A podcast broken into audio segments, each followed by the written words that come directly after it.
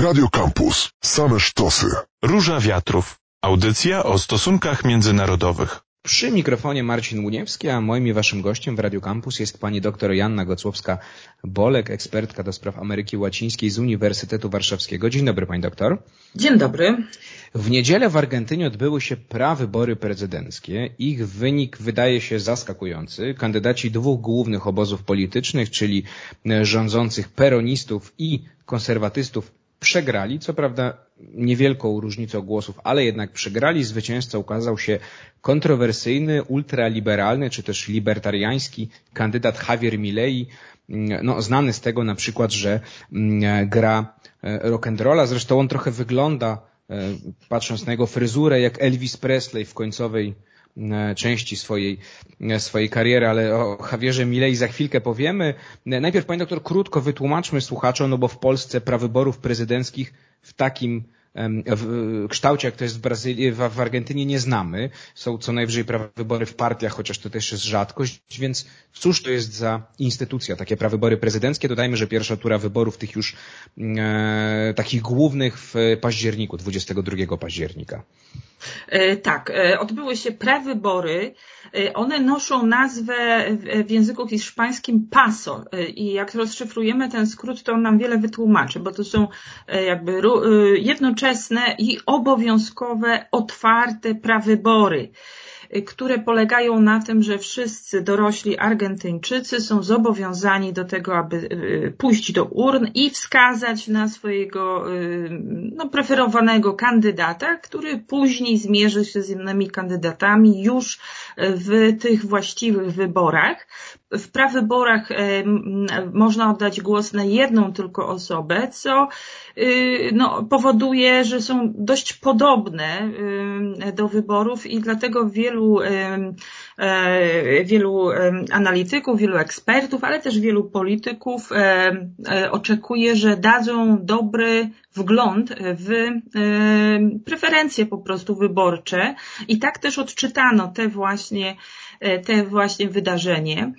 Y, chociaż tutaj e, e, może zacznę od tego, bo to jest, bo to jest ciekawe i też dużo mówi o Argentyńczykach i o ich e, tutaj preferencjach i o tych emocjach, które towarzyszyły całej temu niedzielnemu przedsięwzięciu. Mianowicie są to obowiązkowe, co oznacza, że wszyscy dorośli Argentyńczycy tam w wieku między 18 a 70 lat powinni rzeczywiście wziąć udział. Są pewne wyjątki, już, już nie będziemy wchodzić w szczegóły, ale nie poszło, mimo to, nie, nie poszło do urn, nie zagłosowało ponad 30% Argentyńczyków, tych uprawnionych do głosowania, co pokazuje, że wiele jednak osób nie znalazło wśród kandydatów no, żadnego takiego, na którego chcieliby oddać głos, a wręcz e, chcieli pokazać to bardzo wyraziście, że nie chcą głosować, że nie są zadowoleni z, z, z tej sceny politycznej, no i że nikt, nawet właśnie ten e, człowiek, który w zasadzie e, no, zdobył najwięcej głosów, a więc e, taki antysystemowiec, o którym za chwilę pewnie więcej powiemy, bo to ciekawa postać, Javier Milei, że on również nie jest dla nich no, takim kandydatem, którego byliby w stanie zaakceptować. I teraz oczekuje się, że ten wynik dość dość dobrze e, pokazuje, jakie e, mogą być e, no, dalsze losy tych kandydatów w tych wyborach. Wybory odbędą się 22 października. Myślę, że to, co się okazało, to jest to, że najprawdopodobniej będzie też druga tura. To pani doktor, tutaj się zatrzymam, bo ja panią jeszcze, jeszcze do pytam mm, o to, mm, o te zbliżające się wybory, to właśnie powiedzmy jeszcze w tej części Róży Wiatrów, kim jest Javier Milei, postać pełna sprzeczności, no bo z jednej strony ultraliberał, ale chce na przykład bezwzględnego zakazu aborcji w Argentynie, no do tego podziwia Donalda Trumpa i jest na przykład za jak najszerszym dostępem e, do broni. No to ja tylko tyle mówię i teraz panią proszę powiedzmy kim jest. Czy to jest człowiek znikąd, czy to jest jednak człowiek, który mm, no, gdzieś tam jest, jest Argentyńczykom znany? Yy, tutaj trudno jest tak jednoznacznie scharakteryzować tę postać, e, dlatego że tak, z jednej strony rzeczywiście on się kreuje na takiego antysystemowca, e, ten wszystkie establishmentowe e, jakieś partie polityczne i wszystkie, on nazywa to kastą polityczną, on to wszystko neguje, y, prawda, od tego się odcina, no ale jednak jest obecny w tej polityce od y, pewnego czasu, jest bardzo rozpoznawalny. To jest y, człowiek... On sam jest parlamentarzystą, prawda? Tak, on jest parlamentarzystą. On jest w ogóle ekonomistą, który od, no ma spore doświadczenie na różnych tam poziomach, jako właśnie ekonomista, również wykładał na uczelniach, nie na tych głównych, on bardzo silnie neguje w ogóle Uniwersytet y, w Buenos Aires, to jest jedna z czołowych y, uczelni w ogóle w Ameryce Łacińskiej, jedna z bardziej znanych na świecie, ale tutaj e, Javier Milei mówi o tym, że ten uniwersytet kształci wyłącznie marksistów e, i, no, takich ekonomistów, których po prostu nie da się słuchać i którzy wprowadzili, doprowadzili w Argentynie do e, no, tej katastrofy ekonomicznej. On twierdzi, że ma pomysł na to, jak wyjść z tej zapaści gospodarczej. Mianowicie e, jest e, no, wielbicielem chyba, e, tak należy powiedzieć, fanem i, i to mówi otwarcie tych teorii, które w pierwszej połowie XX wieku powstały, e, które wiążemy ze szkołą e, austriacką w ekonomii, które e, no, z takimi nazwiskami jak Ludwig von Mises czy, czy Friedrich von Hayek są, są związane i które chcą wprowadzić jak najmniej państwa w gospodarce, dać wolną rękę ekonomii, prawda, ograniczyć wszelką interwencję, wręcz mm, no, mm, pokazują tutaj ten prymat właśnie, e, właśnie tej wolności gospodarczej, prawda, zniesienie podatków i, i, i tak dalej. Natomiast gdybyśmy tutaj jakiś filozoficzny punkt widzenia chcieli wyłowić w tym, co, co Javier e, Milei e, prezentuje, to tu dobry, e, dobre pojęcie chyba słyszałam i je powtórzę, że to jest anarchokapitalista. Natomiast to nie jest jakaś spójna koncepcja, żebyśmy byli no tutaj to nie jest coś, co prawda, prezentuje jakiś taki spójny pomysł, który miałby e, e, tutaj szansę powodzenia. To jest jakaś raczej e, taka wybiórcza zbieranina różnych sentencji, różnych jakichś takich wskazówek, na które on kładzie nacisk, a że jest tak naprawdę postacią telewizyjną, byśmy powiedzieli osobowością telewizyjną, potrafi to wykorzystać, potrafi w swoich no, w różnych takich nagraniach dla e, mediów społecznościowych i, i właśnie dla telewizji no, potrafi podgrzać te emocje, również wykorzystać, to jak pan redaktor wspomniał, takie swoje doświadczenie zespołów rockowych, bo on śpiewał w zespole mhm. dawno temu, grał głównie covery Rolling Stonesów, ale no, z tych swoich wystąpieniach no, no, wprowadza takie rockowe elementy, jak najbardziej. To się może podobać. E, I mówi, e, mówi o tym, że e, jest przeciwko no, tym obecnym wszystkim ekonomistom, którzy, którzy tam rządzą w, w, w Argentynie. On chce wprowadzić dolaryzację gospodarki, czyli, czyli, czyli no, wprowadzić dolara amerykańskiego, znieść w ogóle, zlikwidować E, bank Centralny Argentyński. Zaczęła Pani mówić, że właśnie ten jego program nie do końca jest spójny, no ale to jest taki faktycznie libertarianin, czyli tego państwa praktycznie zero, prawda? I, i, i przed przerwą powiedziała Pani, że y, dolaryzacja to raz i likwidacja banku centralnego, prawda? To jest jego pomysł. I, i nie tylko banku centralnego, bo y, dopytywany przez dziennikarzy, co zrobić z tymi ministerstwami licznymi, prawda, rozbudowanym tym w ogóle państwem, które tam no, no, no wskazuje na, na prowadzenie jakichś polityk, no to on e, e, również spektakularnie na tablicy e, narysował, przykleił, pokazał, potem zrywał, że wszystkie ministerstwa tam po kolei będzie likwidował. Nie potrzeba jego zdaniem ani Ministerstwa Edukacji, ani Ministerstwa Nauki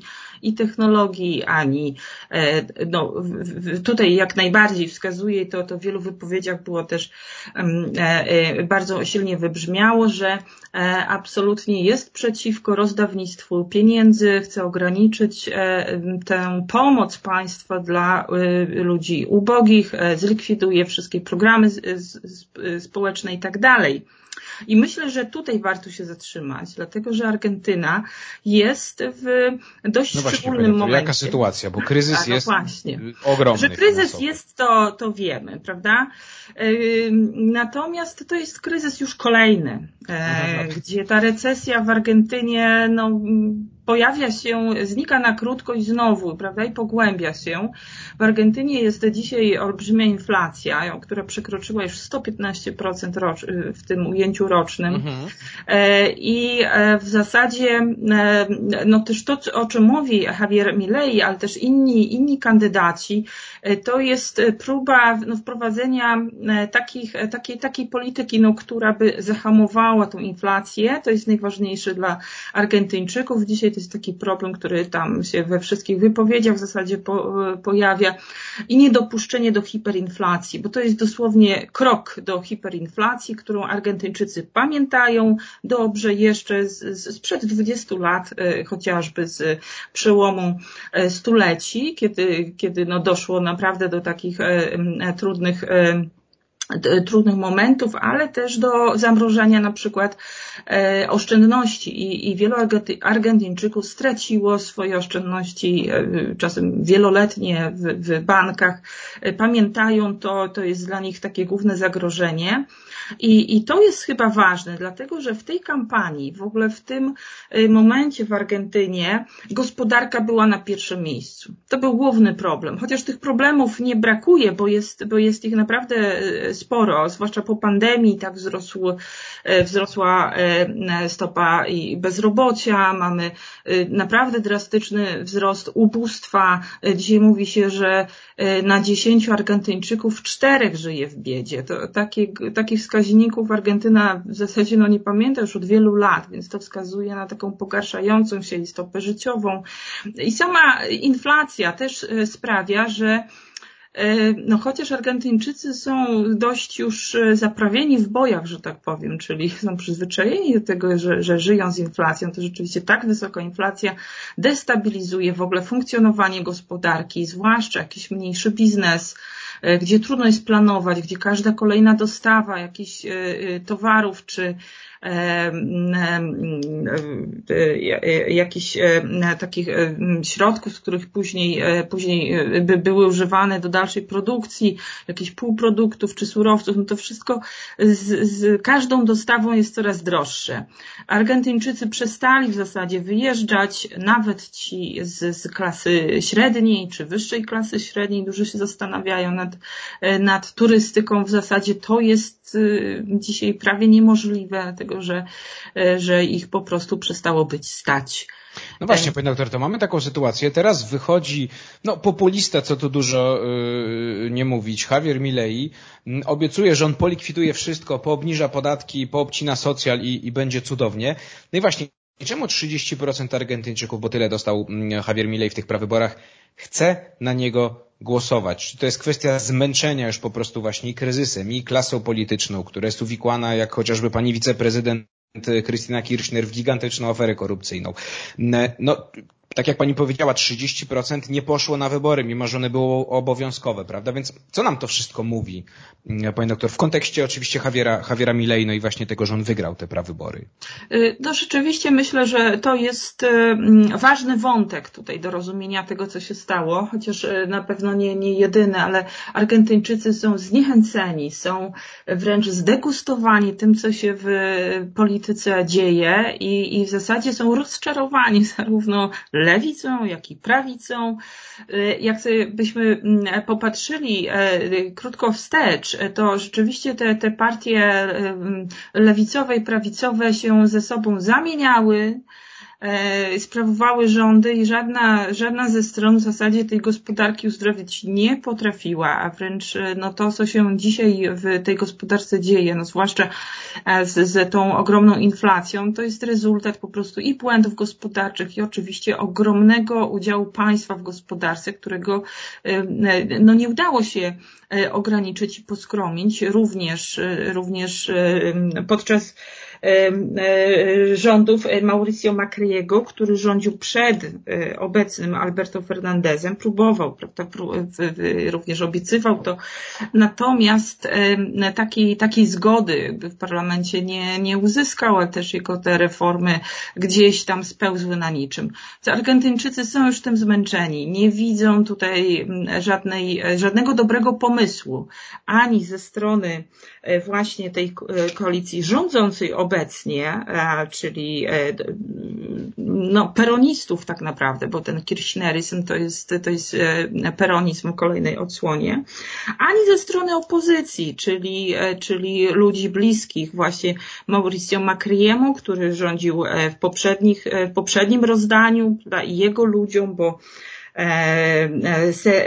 bo te osoby, które zostały tutaj wystawione e, jako kandydaci, ich, było, e, ich była dwójka, e, czyli Patricia Bullrich, zarówno jak Horacio Rodriguez Larreto, to są dwa nazwiska, które tam się pojawiły na kartach do głosowania. No, oni nie zdołali przekonać do tego, że ta opozycja ma rzeczywiście jakikolwiek logiczny i dobry pomysł na rozwiązanie tych problemów gospodarczych. Czy myśli Pani, że ma szansę, tak zapytam, Javier Milei zostać i prawdopodobnie rozstrzygną się te wybory w drugiej turze, tak jak, jak twierdzą eksperci, więc pytanie do Pani, no jeszcze trochę czasu do tych wyborów. Ma szansę Javier Milei zostać nowym, kolejnym prezydentem Argentyny?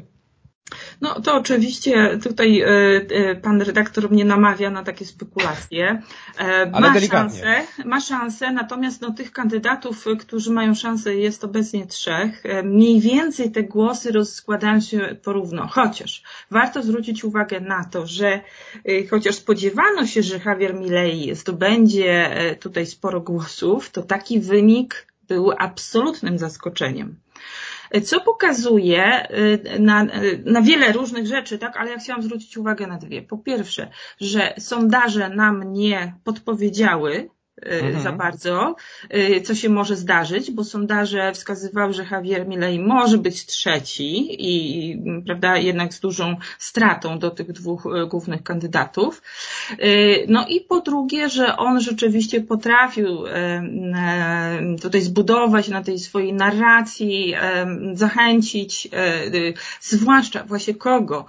Przede wszystkim, bo oczywiście tutaj wiele, wiele różnych grup głosowało, ale przede wszystkim to są młodzi Argentyńczycy, Argentyńczycy, e, młodzi, związani e, albo e, wywodzący się z tej klasy średniej, albo nawet z wyższej klasy średniej, ale też z przedmieści Buenos Aires, którzy powiedzieli już z tymi dziadkami w polityce chcemy zerwać, oni nie mają już nic do powiedzenia, nie sprawdzili się, no więc dajmy tutaj głos komuś nowemu, który przemawia do nas, który właśnie wygląda jak gwiazda roka, y, y, który potrafi i się powygłupiać i zaśpiewać, który mówi, e, że niech oni wszyscy spadają, prawda? bo to jest zdanie, które, które Javier Milei wypowiada e, i, i to jest takie hasło podchwycone później przez, zwłaszcza przez młodych Argentyńczyków, którzy nie widzą dla siebie miejsca w, w tej zdominowanej przez tradycyjne partie polityce, a mówią, que se vayan todos, niech sobie wszyscy już idą, dziękujemy bardzo. E, I wcześniej e, wiele osób nie ujawniało tych swoich preferencji, czy wstydząc się lekko, czy, czy właśnie będąc niezdecydowanymi. Mamy 30% głosów jeszcze do zagospodarowania w ogóle, prawda? Mhm. Więc e, tutaj wiele może się zdarzyć. Mamy 60 dni do, do tych wyborów. Natomiast myślę, że zwłaszcza Patricia Bullrich, bo to ona wygrała jakby tą rozgrywkę partyjną z, z E, startując przeciwko e, Horacio Rodriguezowi Larreto, więc Patricia Bullrich, ona jest, e, ona była ministrem do spraw bezpieczeństwa, osoba bardzo doświadczona, w polityce. Ona ma tutaj do rozegrania chyba swoją, swoją życiową partię. Zobaczymy, jak jak e, się w tym sprawdzi.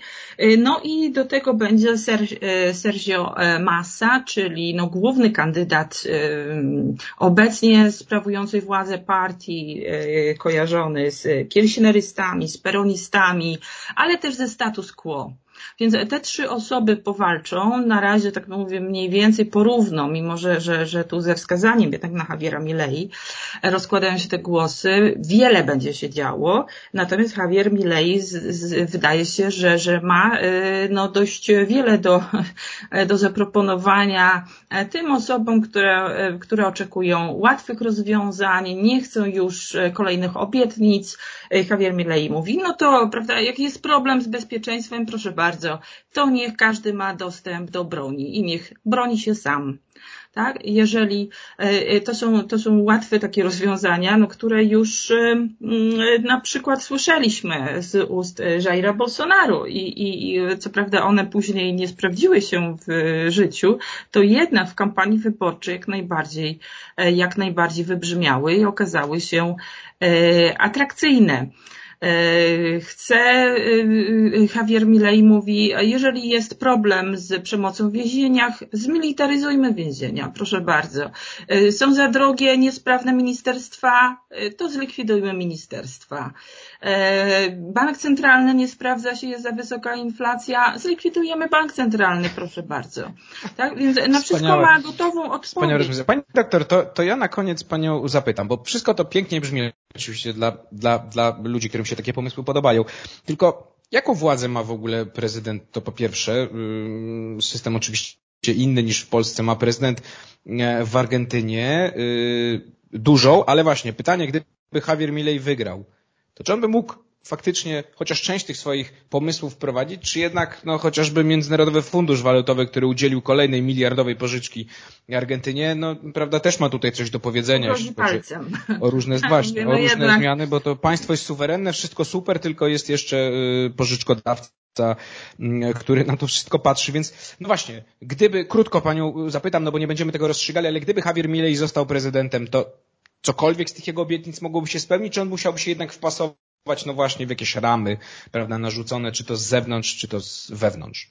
Pewien kierunek oczywiście tu narzuci i pokaże, w, w którą stronę jakby społeczeństwo argentyńskie chce iść, ale prawdopodobnie jego partia y, zyskałaby około 40 raptem miejsc w 257 miejscowym mhm. parlamencie.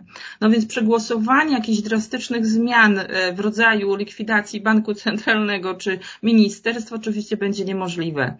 Y, natomiast on sam myślę, że, że tak, że łatwo y, rzuca się pewne hasła, takie, które y, są atrakcyjne i, i, i brzmią jakoś radykalnie w, w czasie kampanii, natomiast no, w momencie, gdyby zasiadł na, na fotelu prezydenckim, będzie musiał tutaj być bardziej pragmatyczny i, i brać pod uwagę wiele innych, wiele takich uwarunkowań, o których, o których dzisiaj prawdopodobnie nie myśli.